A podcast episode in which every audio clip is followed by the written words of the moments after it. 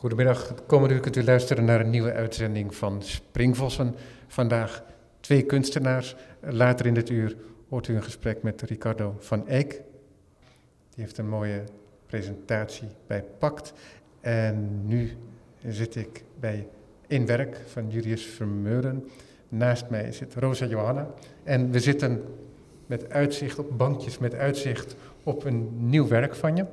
Rosa, Ja, dankjewel klopt. dat je me, dat je me hier eh, wilt spreken voor je nieuwe werk. How to do things without words heet het werk.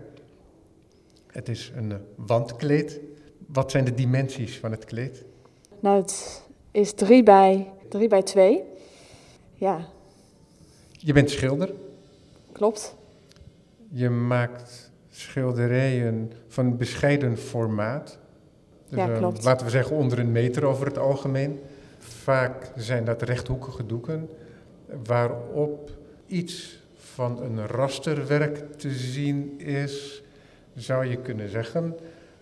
Waar het niet dat je je kunt afvragen wanneer iets een veld met eh, vakjes, ongelijke rechthoeken is en wanneer het tot raster wordt. Want jij, ehm, eh, je legt geen grid over, eh, over het doek als je begint te schilderen. Ja, klopt. Hoe maak Ik, je die eh, schilderijen? ehm, eigenlijk ontstaat het grid door velden aan te brengen. Dus ik zie het sowieso wat minder als een, eh, als een grid, maar ik zie het echt als kleurvlakken die zich... Nou ja, door verschillende lagen eraan toe te voegen ontstaat er een grid. Door verschillende lagen verf. op ja, lage verf op de kleurvlakken toe te voegen. Ontstaat er in de loop der tijd, ik begin meestal rechtsboven of links of rechtsboven in het doek. Ik begin met één veld, noem ik het. En dan schilder je dat, Dat direct schilder of ik, teken ja, je dat schilder af? ik direct op het, eh, op het doek. En dat zet ik voort. Maar daardoor kan het best wel zijn dat een eh, schilderij, dat het eh, onderaan een, niet helemaal uitkomt. Dus dat je bovenaan een kleurvlak, een vlak ziet, maar wat in dimensies onderaan verspringt. Of waar in de lijn van, het, eh, Van de dan, van ontwikkeling en op opeenvolging zie, ik dan, zie je dan dat het een beetje een buikje krijgt.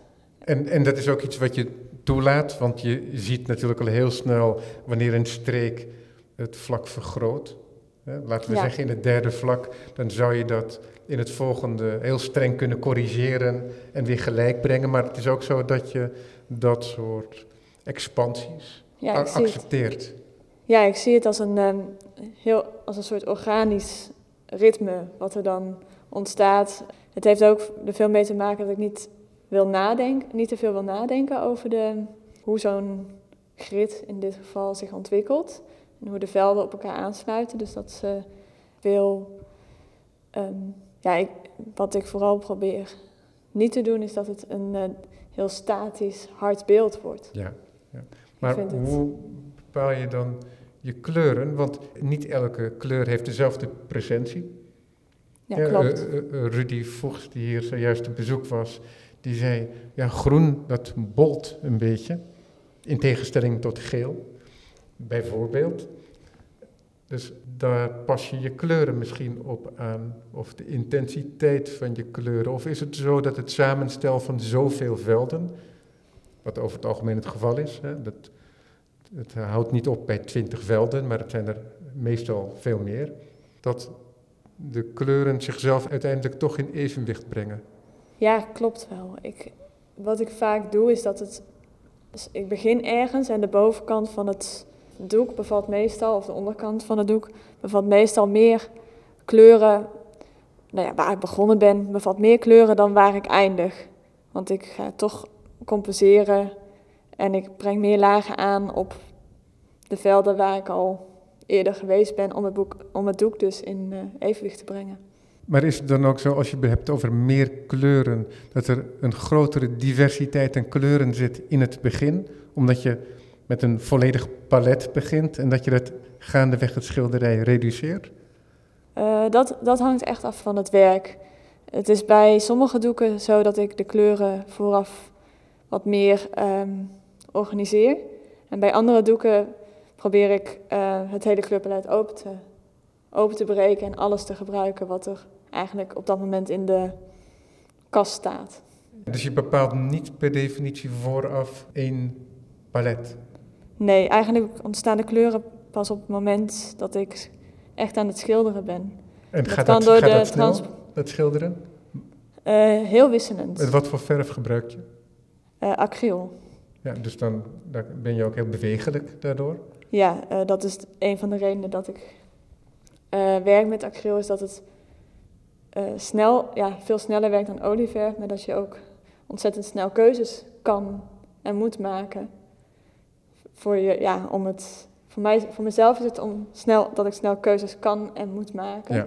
Dus dat ik vele lagen over elkaar heen kan aanbrengen en dat ik niet per se nadenk, oh deze laag, wat ga ik nu doen? Wat Ja. is de volgende stap? Dus het intuïtieve Ja, dat is een proces waar, waar, waar je dan... Ja, dat is dan denk ik wel een centraal woord, dat intuïtieve.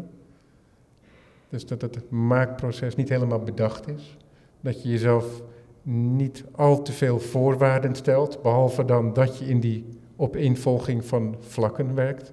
En dat je wel een formaat kiest van je doeken, hoewel je Ja, daar klopt. af en toe ook wat variatie in probeert te brengen. Dus dat is ook een voortschrijdend proces. Werk je aan meerdere doeken tegelijkertijd? Meestal niet. Het is eigenlijk altijd één doek tegelijk. Ja. En zit er veel denktijd ook in een schilderij?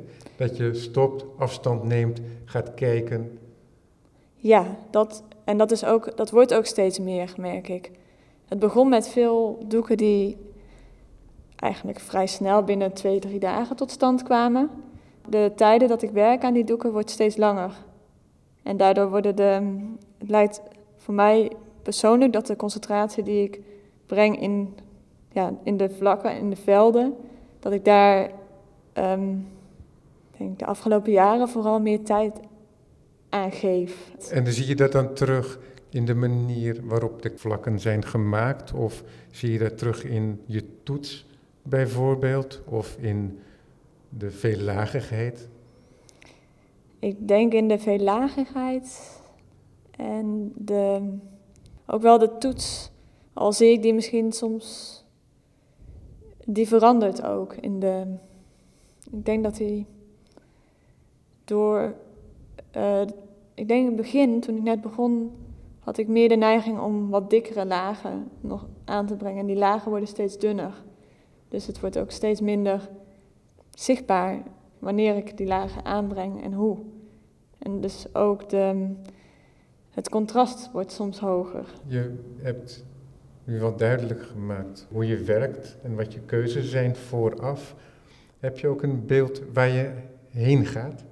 Nee, vaak. Dus ja, nou ja, er zijn bepaalde.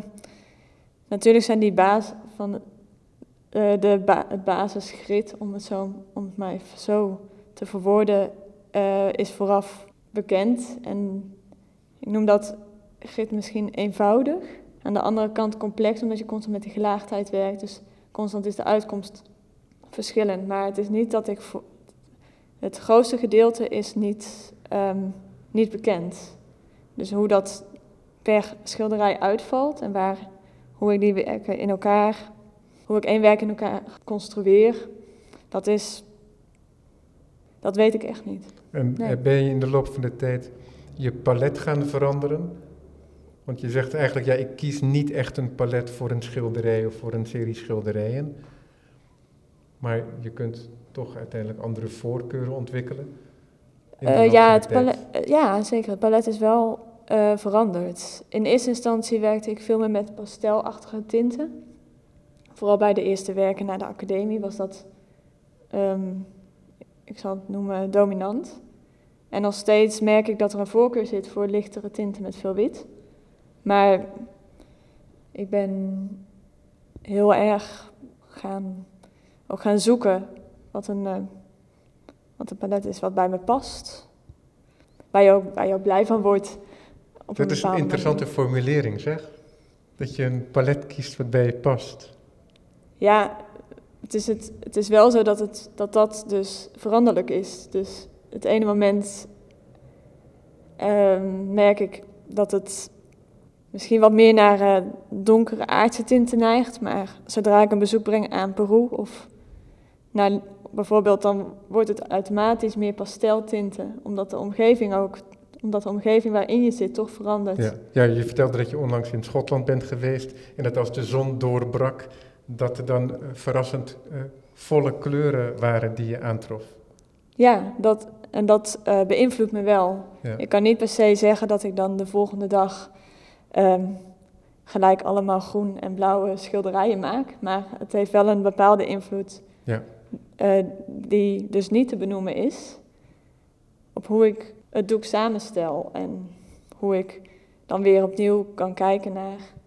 Zo'n zo'n reis heeft een invloed op hoe ik kijk naar werk en hoe dat dan weer, zich weer verhoudt tot, nou, voor mij alles. Van hoe ik kijk naar een tentoonstelling of hoe ik weer kan, opnieuw kan kijken naar een, uh, ja, een oud werk of iets waar ik op dat moment in mijn hoofd heel druk uh, mee bezig ben. Ja. We zitten nu bij Galerie in Werk. En we zitten tegenover een groot werk van je. En dat grote werk is geen schilderij. Nee, klopt. Wat ook opvallend is, is dat het een liggend werk is. Het meeste van je werk is toch staand, denk ik? Ja, klopt ook. Het is een uh, wollen wandtapijt, wat ook nog een keertje die eigenschap heeft, die ook ongewoon is aan jouw werk. Is dat het in één kleur grijs is verwerkt. Eigenlijk is dat gemeleerd grijs, maar dat heeft het effect als één kleur grijs. Dat is ook weer zo'n, laten we zeggen, springend veld van allerlei verschillende vlakken, van verschillende grootte. En in dit geval ook, misschien in een soort vertaling van de kleurwaarden, hè, het bolle groen, dat er ook um, zes verschillende uh, lagen in zitten, dieptes. Dus het tapijt is op verschillende uh, hoogten afgeschoren of afgeknipt of afgekapt. Ik weet niet hoe dat uh, in zijn werk gaat. Hoe ben je tot dit werk gekomen, Rosa? Um, nou, ik denk dat het de fascinatie voor tapijt is begonnen toen ik een bezoek bracht aan Peru. Waarbij ik eigenlijk gelijk een connectie maakte van mijn schilderwerk naar, uh, naar de Peruaanse tapijten. En op dat moment dacht ik, wauw, dat is, dat is interessant. Dat is een vrij bijzondere. Dat zou ik niet zo snel uh, zien als ik niet zo'n reis zou maken naar Peru. Daarop volgend was het dat ik eigenlijk in Peru was en dat ik daar vooral geluidsopnames maakte. En een van die geluidsopnames was een uh, hele drukke verkeersweg, waar, waar allemaal auto's over de drempels heen ja, raceten, letterlijk. Um, en dat, dat maakte een geluid. En op dat moment dacht ik, oh ja, maar die gele geluidsdrempels, wat die in dat, in dat kleine filmpje, of in die korte film terugkomen, dat is eigenlijk ook een soort, dat, daar zie ik iets in wat ik ook in mijn schilderwerk uh, doe. Maar op in mijn schilderwerk doe ik het op een subtiele manier. Ik breng lagen aan door kleuren. En die zijn helemaal niet tastbaar. Maar door het geluid werden ze opeens voor mij wel tastbaar. En was het opeens dat het een, ja, een sprongetje maakte. En eigenlijk is het een lang proces geweest van twee jaar, waarbij ik het idee over zo'n geluid en wat ik net verwoord, omzet naar iets wat een tapijt, wat in een tapijt ook gebeurt. In een tapijt kan door de techniek gewerkt worden met verschillende lagen, verschillende hoogtes en verschillende nuances. En wat vaak in mijn werk voorkomt, is dat ik heel veel momenten samen pak of neem, waar schilderen altijd de basis vormt, maar waarbij ik ook video's maak en geluidopnames maak. En dus ook de hoogteverschillen. Dan langzaam tot zo'n, ja, noem het een statement komen van hoogteverschillen. En ik denk dat het idee van het um, opnemen van geluid, dat, dat voor mij op dat moment ontmoette ik uh, Julius Vermeulen en kwam het gesprek op gang om hier iets te doen bij één werk. Dus ik zie het als een samenloop van omstandigheden, een samenloop van momenten. En um, de eerste stap die hier is genomen is een geluidsopname maken. Wat niet meer terug te vinden is in het werk, maar wat dan wel degelijk invloed heeft gehad op het proces. Op wat voor manier? Ehm, Behalve dan dat zo'n kleed ook een absorberende functie heeft. Zowel Ja, voor nee, geluid dat is- en in het geval, omdat je het grijs hebt gekozen, ook voor het licht. nou, ik denk dat dat dus, wat ik dus misschien onhandig probeer te zeggen op het moment, maar dat de videowerken die ik maakte in Peru, waarbij de auto's over een drempel ehm, Snelden. snelden, inderdaad. Dat ehm, was voor mij een. Dat bracht iets tot stand. Dat ik dacht, oh, ik wil graag werken met die, hoogte, met de hoogteverschillen en met die ehm, nuances. En dat, je, eh, en dat vond ik terug in geluiden. Ja, ik begrijp het. Nee, Ja. Maar dat is, een, dat is een, eh, een, een, een soort fysieke, maar ook zintuigelijke ervaring die je probeert om te zetten naar je eigen werk. Ja, klopt. Ja, En dan kijken we hier naar dat eh, tapijt, dat hier heel goed tot zijn recht komt ook omdat er rijkelijk daglicht binnenvalt. En we hebben ook eh, te maken gehad met de zon, die zojuist in de zijstraat hier nog naar binnen scheen. En het trekken en duwen van de verschillende kleuren, die wordt hier vertaald, lijkt wel, in de verschillende hoogtes van de, van de verschillende vlakken. Maar jij, die zo intuïtief werkt en gaandeweg de kleuren eh, boetseert op het doek, moet nu in één keer een schets afleveren die industrieel vervolgens vervaardigd wordt in de tapijtfabriek. Voor dit wandtapijt heb je een schets moeten aanleveren die definitief was. Waar bestond die schets uit? Eh, nou, de schets eh, bestond uit ehm, zes vlakken, dus van wit naar zwart. En iedere, ieder vlak eh, vertegenwoordigde een andere hoogte. Dus ehm, wit was het hoogst en zwart was, was de laagste pol. Eigenlijk in, ehm, daar, zit, daar vond ik zelf een mooi element in zitten, dat de schets was ook, ook echt een andere werkwijze. Normaal zijn mijn lijnen veel ik noem ze zelf tactieler, gewoon minder recht, toerecht aan. Maar in de schets wa- was dat wel zo. En dat was voor mij een. ehm, of ik vond, ik, ik wist van tevoren dat er een tapijt van zou worden gemaakt. En eh, de eigenschappen van het tapijt neem je dan ook mee in hoe de schets wordt vervaardigd. Hoe zo'n schets, hoe je hem vervaardigt. En eh, de keuzes. Wat ik, fijn, wat, ik zo, wat ik wel interessant vond aan de schets, is dat het dus recht toe recht aan was met het oog erop dat zodra het omgezet zou worden in een tapijt, of in een, ja, in een tapijt, Dat het dan Dat- uiteindelijk dat het dan een weer- dat de, dat de lijnen veel losser Ja. zouden worden en dat de vlakken dus minder gedefinieerd zijn. En was dat moeilijk, dat je niet het hele proces zelf in hand had? Nou, het heeft. ehm, aan de ene kant is het minder direct dan het schilderen, wat ik normaal doe. Maar ik heb ook altijd gewerkt met bijvoorbeeld. Eh, bijvoorbeeld in het Stedelijk Museum Schiedam tijdens de Volkskrant Beeldende Kunstprijs. Dat de schilderijen werden verhangen.